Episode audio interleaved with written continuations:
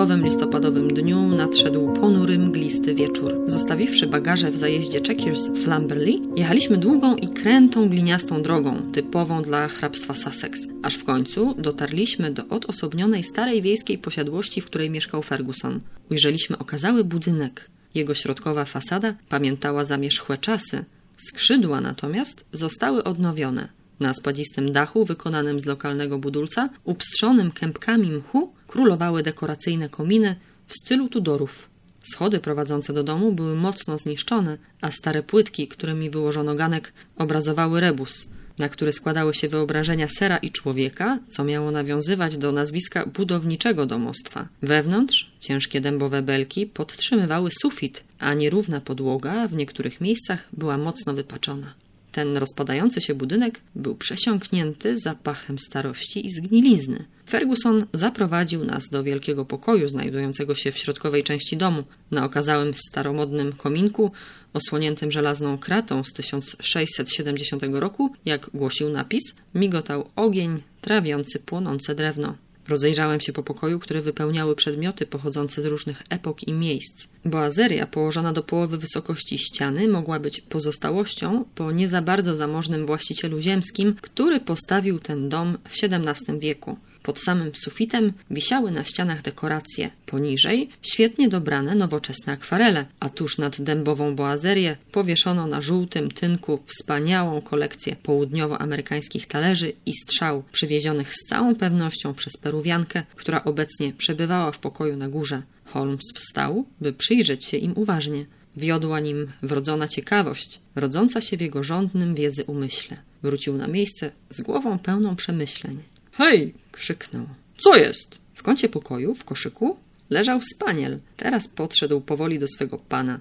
Widać było, że czynił to z trudem, niezgrabnie poruszając tylnymi łapami i powłócząc ogonem po ziemi. Polizał dłoń Fergusona. O co chodzi, panie Holmes? Ten pies. Co mu dolega? Nawet weterynarz nie wiedział. Jakiś rodzaj paraliżu. Podejrzewał zapalenie opon mózgowo-rdzeniowych, ale powoli z tego wychodzi. Niedługo wyzdrowieje, prawda, Carlo? Jakby na potwierdzenie tych słów, nieruchomym ogonem psa wstrząsnął dreszcz. Co chwilę zerkał na któregoś z nas smutnym wzrokiem. Wiedział, że rozmawiamy o nim. Czy zapadł na tę chorobę nagle? W ciągu jednej nocy. Dawno? Mniej więcej cztery miesiące temu. Niewiarygodne. Nasuwa mi to pewne myśli. Skąd to zainteresowanie psem, panie Holmes? Potwierdza to moją wcześniejszą teorię. Na litość boską, panie Holmes, o czym pan myśli? Dla pana to jedynie intelektualna zagadka, dla mnie sprawa życia i śmierci. Moja żona to niedoszła morderczyni. Moje dziecko jest w niebezpieczeństwie. Proszę nie postępować ze mną w ten sposób, panie Holmes. To zbyt poważna sprawa. Niegdyś potężny zawodnik rugby cały drżał. Chcąc go uspokoić, mój przyjaciel położył mu rękę na ramieniu. Obawiam się, że każde rozwiązanie będzie dla pana przykre, panie Ferguson, powiedział. Postaram się jednak oszczędzić panu bólu. W tej chwili nie mogę zdradzić niczego więcej. Mam jednak nadzieję, że zanim opuszczę ten dom, wszystko się wyjaśni. Na Boga, bardzo pana o to proszę, jeśli panowie pozwolą, pójdę teraz do pokoju mojej żony, by sprawdzić, czy jest jakaś poprawa. Nie było go kilka minut. Ten czas Holmes wykorzystał na ponowne studiowanie okazów wiszących na ścianie. Gdy gospodarz powrócił, na jego twarzy malował się wyraz przygnębienia, co oznaczało, że sytuacja nie uległa zmianie. Przyprowadził ze sobą wysoką, szczupłą dziewczynę o smagłej twarzy. Dolores, herbata jest już gotowa, rzekł. Dołóż wszelkich starań, by twoja pani miała wszystko, czego zapragnie. Ona jest bardzo chora, rozpaczała dziewczyna, patrząc z oburzeniem na swego pracodawcę. Ona nie prosić o jedzenie. Ona bardzo chora, ona potrzebować doktora. Ja przestraszona zostawać sama z nią, bez lekarza. Ferguson spojrzał na mnie pytająco. Z radością pomogę. Czy twoja pani przyjmie doktora Watsona? Ja go zaprowadzić, nie pytać o pozwolenie, ona potrzebować lekarza. Dolores była bardzo wzruszona. Chodźmy zatem natychmiast. Poszedłem za rozdygotaną dziewczyną najpierw po schodach na górę, a następnie wiekowym, ciemnym korytarzem. Na jego końcu znajdowały się masywne drzwi przymocowane do żelaznej furtyny. Ujrzawszy je, pomyślałem, że gdyby Ferguson chciał się dostać do pokoju żony siłą, przyszłoby mu to z nie lada trudnością. Pokojówka wyciągnęła z kieszeni klucz, włożyła do zamka i ciężkie dębowe deski, zawieszone na starych zawiasach, zaskrzypiały głośno. Wszedłem do środka, a pokojówka żwawo wślizgnęła się tuż za mną zamykając drzwi na klucz. Widać było od razu, że leżąca na łóżku kobieta ma wysoką gorączkę. Była na wpół przytomna, ale gdy wszedłem, otworzyła swe wielkie, przepiękne oczy i popatrzyła na mnie z przerażeniem. Zobaczywszy obcego człowieka, odetchnęła z ulgą i opadła na poduszkę. Podszedłem do niej, wypowiadając kilka uspokajających zdań. Leżała nieruchomo, gdy badałem jej puls. Tętno było bardzo przyspieszone, a wysoka temperatura wskazywała na atak jakiejś choroby. Odniosłem jednak wrażenie, że jej stan był raczej wynikiem załamania nerwowego. Ona leżeć tak jeden dzień, dwa dni, ja bać się ona umrzeć, powiedziała dziewczyna, gdy kobieta zwróciła ku mnie swą piękną twarz. Zobaczyłem na jej policzkach silne wypieki. Gdzie jest mój mąż? Na dole. Bardzo chciałby się z panią zobaczyć. Nie chcę go widzieć, nie chcę go widzieć! Zaczęła majaczyć. Wróg, wróg, co mam zrobić z tym diabłem? Czy mogę pani jakoś pomóc? Nie, nikt nie może, to koniec, wszystko zniszczone, wszystko na nic. Najwidoczniej panią Ferguson prześladowały jakieś urojenia. Bob nie kojarzył mi się ani z wrogiem, ani z diabłem. Madam, powiedziałem, pani mąż bardzo ją kocha. Z całego serca ubolewa nad tym, co się wydarzyło. Ponownie popatrzyła na mnie cudownymi oczami. Kocha mnie tak, ale czy ja go nie kocham? Czy moja miłość jest na tyle silna, że jestem w stanie poświęcić swoje życie, żeby tylko nie złamać jego kochanego serca? Kieruje mną wielkie uczucie, a mimo to on źle o mnie myśli i mówi straszne rzeczy. Przepełnia go smutek, ale tak naprawdę niczego nie rozumie.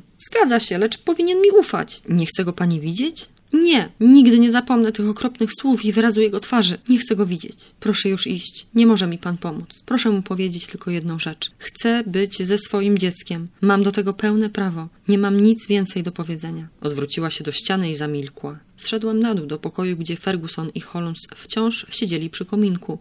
Gospodarz miał markotną minę, gdy opowiadałem mu o wizycie w pokoju jego żony. Zanieść jej dziecko? Zapytał. Skąd mogę mieć pewność, że jakiś dziwny impuls, skąd mogę mieć pewność, że jakiś dziwny impuls nie pokieruje nagle jej zachowaniem? Jak mam zapomnieć ten straszny widok, kiedy podniosła się z klęczek przy łóżeczku z krwią na wargach? Zadrżał na wspomnienie tamtego wieczora.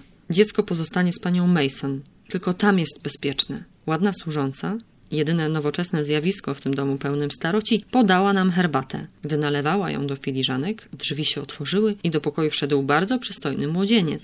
Miał jasną skórę i blond włosy. Kiedy ujrzał ojca, w jego radosnych, błękitnych oczach pojawił się błysk wzruszenia i szczęścia. Podbiegł do niego i zarzucił mu ramiona na szyję tak, jak zwykle to czynią kochające dziewczynki. Tatusiu! wykrzyknął. Nie wiedziałem, że już wróciłeś do domu. Przywitałbym cię od razu po przyjeździe. Tak się cieszę, że jesteś. Ferguson delikatnie wyswobodził się z objęć lekko zakłopotany. Mój drogi chłopcze, powiedział troskliwie, poklepując jasnowłosą głowę. Przyjechałem wcześniej, ponieważ moi przyjaciele, pan Holmes i dr Watson, zgodzili się nas odwiedzić i spędzić z nami wieczór. Pan Holmes, ten detektyw? Tak, Młodzieniec spojrzał na nas przenikliwym, a nawet, jak mi się wydawało, nieco wrogim spojrzeniem. A pańskie drugie dziecko, panie Ferguson? zapytał Holmes. Czy możemy je zobaczyć? Poproś panią Mason, żeby przyniosła małego, rzekł Ferguson. Chłopiec odszedł dziwnie powłócząc nogami, co mój medyczny umysł zinterpretował jako skutek urazu kręgosłupa. Wrócił w towarzystwie wysokiej, wychudzonej kobiety, niosącej w ramionach niezwykle urodziwe dziecko z czarnymi oczkami i złotymi włoskami. Cudowne połączenie cech saksońskich i latynoskich. Wyglądało na to, że Ferguson jest do niego bardzo przywiązany, gdyż wziął je na ręce i czule przytulił. Jak ktokolwiek mógłby skrzywdzić takie maleństwo? wyszeptał, patrząc na malutką czerwoną rankę na szyi cherubinka. Wtedy właśnie spojrzałem na Holmesa i w jego oczach ujrzałem niezwykłe podekscytowanie. Niewzruszona twarz przypominała rzeźbę z kości słoniowej. Przez moment jego spojrzenie było skupione na ojcu i dziecku, a teraz z ciekawością wpatrywał się w jakiś obiekt na przeciwległym końcu pokoju. Podążając za jego wzrokiem, zobaczyłem jedynie, że patrzy przez mokre od deszczu okno na ponury ogród. Choć okiennica zasłaniała połowę okna i widok był ograniczony, choć okiennica zasłaniała połowę okna i widok był ograniczony, z całą pewnością to właśnie na nim Holmes skupił całą swą uwagę. Następnie uśmiechnął się i ponownie zerknął na dziecko. Na pulchniutkiej szyjce widniała ranka. Sherlock bez słowa przyjrzał jej się uważnie. W końcu potrząsnął pomarszczoną piąstką, która migała mu przed nosem. Do widzenia, mały człowieczku. Twoje życie zaczęło się dość nietypowo. Nianiu, chciałbym z panią porozmawiać w cztery oczy. Odeszli na bok i przez kilka minut żarliwie dyskutowali. Zdołałem jedynie usłyszeć ostatnie zdanie. Mam nadzieję, że wkrótce będzie pani mogła odetchnąć z ulgą. Kobieta, która wyglądała na zimną i opanowaną, opuściła pokój z dzieckiem na rękach. Jaka jest pani Mason? zapytał Holmes. Na pozór mało sympatyczna, jak panowie mogli zauważyć, ale ma złote serce i bardzo kocha to dziecko. Lubisz ją, Jack? Holmes niespodziewanie zwrócił się do chłopca, którego ekspresyjna twarz spochmurniała. Pokiwał przecząco głową. Jackie albo kogoś bardzo lubi, albo nie lubi wcale. powiedział Ferguson, obejmując syna ramieniem. Na szczęście ja należę do tej pierwszej grupy. Chłopiec przymilał się i przytulał do piersi ojca. Ferguson delikatnie wydostał się z objęć. Zmykaj, mały Jackie. Powiedział, a jego kochające spojrzenie podążało za chłopcem, aż ten zniknął w korytarzu. Panie Holmes kontynuował. Czuję, że ściągnąłem tu pana zupełnie niepotrzebnie. Bo co pan może zdziałać? Jedynie złożyć mi wyrazy współczucia. Z pańskiego punktu widzenia sprawa ta na pewno jest wyjątkowo delikatna i skomplikowana. Delikatna jest z całą pewnością, rzekł mój przyjaciel, radośnie się uśmiechając. Ale aż do tej chwili nie byłem świadom, jak bardzo jest złożona. Mogłem rozwiązać ją tylko dzięki metodzie dedukcji. Kiedy jednak teorie krok po kroku potwierdzają liczne, niezwiązane ze sobą wydarzenia, wtedy to, co subiektywne, staje się obiektywne. W zasadzie miałem już gotowe rozwiązanie, zanim opuściliśmy dom przy Baker Street, a potwierdziłem je tutaj dzięki wnikliwej obserwacji. Ferguson podparł zmarszczone czoło swą wielką dłonią. Na litość boską, Holmes, rzekł zachrypniętym głosem. Jeśli odkrył pan prawdę, proszę nie trzymać mnie dłużej w niepewności. Jak mam to wytrzymać? Co mam począć? Nie obchodzi mnie to, jak pan doszedł do swoich wniosków pod warunkiem, że osiągnął pan cel. Oczywiście, jestem panu winien wyjaśnienia i wkrótce je panu przedstawię, ale proszę pozwolić mi załatwić tę sprawę po swojemu. Czy pani może nas przyjąć, Watsonie? Jest chora, ale mówi całkiem sensownie. Dobrze, tylko w jej obecności możemy ujawnić rozwiązanie zagadki. Pójdźmy zatem do niej. Ona nie chce mnie widzieć, westchnął Ferguson. Wręcz przeciwnie, rzekł Holmes. Na kartce papieru nabazgrał kilka słów. Ciebie na pewno wpuszczą, Watsonie. Bądź tak dobry i zanieś pani ten liścik. Ponownie udałem się na górę i wręczyłem kartkę Dolores, która ostrożnie otworzyła drzwi. Po chwili z wewnątrz dobiegł mnie krzyk pełen radości i jednocześnie zdumienia. Dolores wyjrzała z pokoju. Ona ich przyjmie i będzie słuchać, rzekła. Poprosiłem na górę Fergusona i Holmesa. Gdy weszliśmy do pokoju, pan domu postąpił kilka kroków naprzód w kierunku swej żony, lecz ona powstrzymała go uniesioną ręką.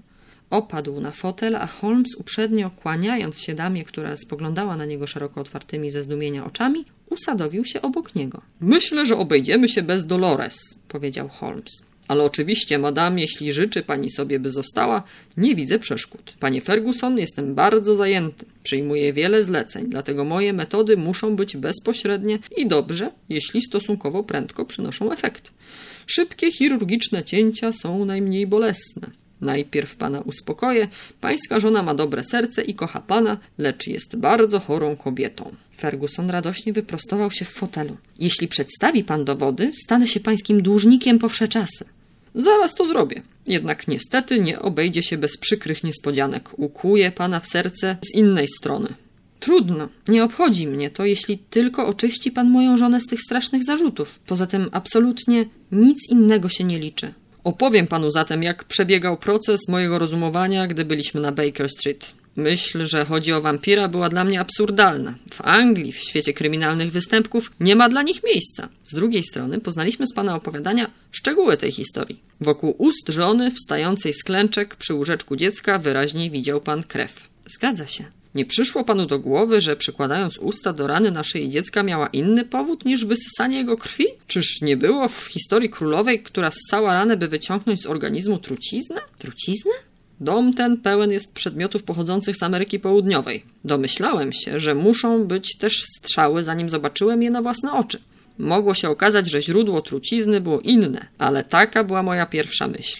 Niewielki pusty kołczan i łuk, które tu zobaczyłem, to właśnie akcesoria, których się spodziewałem. Dla dziecka ukłucie taką strzałą unurzaną w kurarze lub innej szatańskiej substancji oznaczałoby rychłą śmierć, gdyby trucizna nie została wyssana.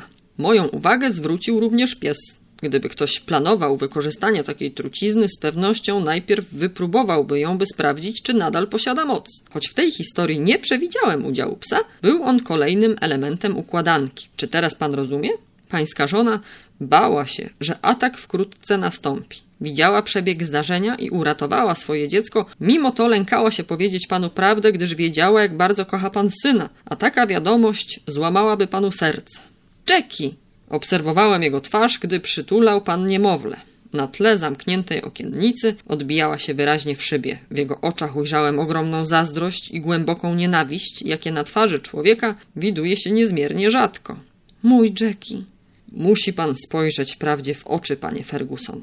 Sytuacja jest o tyle przykra, że to wypaczona miłość do pana oraz maniakalne, wyolbrzymione uwielbienie, jakim prawdopodobnie obdarzała go matka, są przyczyną jego zachowania. Dusza jest przepełniona nienawiścią do tego pięknego dziecka, którego zdrowie i uroda stanowią tak wielki kontrast z jego fizyczną ułomnością. Dobry Boże, to niewiarygodne. Madam, czy mówię prawdę? Kobieta szlochała, ukrywając twarz w poduszkach. Teraz zwróciła się do męża. Jak mogłam ci powiedzieć, Bob? Wiedziałam, że byłby to dla ciebie straszny cios. Wolałam poczekać, aż się dowiesz z innych ust. Uradowałam się, gdy ten dżentelmen, który najwidoczniej włada magicznymi mocami, napisał, że wie o wszystkim. Zalecałbym wysłanie panicza Jackiego na roczny rejs statkiem, rzekł Holmes, wstając z krzesła. Jedno jest dla mnie nadal niejasne, madam. Rozumiemy pani ataki na młodzieńca. Cierpliwość matki ma swoje granice. Jak jednak mogła pani zostawić swoje dziecko na te kilka dni? Pani Mason o wszystkim wiedziała. Tak właśnie myślałem. Ferguson stał przy łóżku z wyciągniętymi, drżącymi rękami, usiłując coś powiedzieć zdławionym z rozpaczy głosem. Myślę, że na nas już czas, Watsonie, wyszeptał Holmes. Wyprowadźmy z pokoju tę niezmiernie oddaną Dolores, weź ją pod jedno ramię, ja wezmę pod drugie. Teraz, dodał zamykając drzwi, powinniśmy zostawić tych dwoje w spokoju, by mogli wyjaśnić sobie kilka kwestii. Znalazłem jeszcze jedną notatkę dotyczącą tej sprawy. List, który Holmes napisał w odpowiedzi na ten, od którego zaczęło się niniejsze opowiadanie. Jego treść jest następująca. Baker Street, 21 listopada. W sprawie wampirów. Szanowny panie, w odpowiedzi na pański list z 19 listopada spieszę donieść, że przyjrzałem się sprawie pana Fergusona i udało mi się rozwiązać ją pomyślnie. Dziękując za państwa rekomendacje, pozostaję z szacunkiem. Sherlock Holmes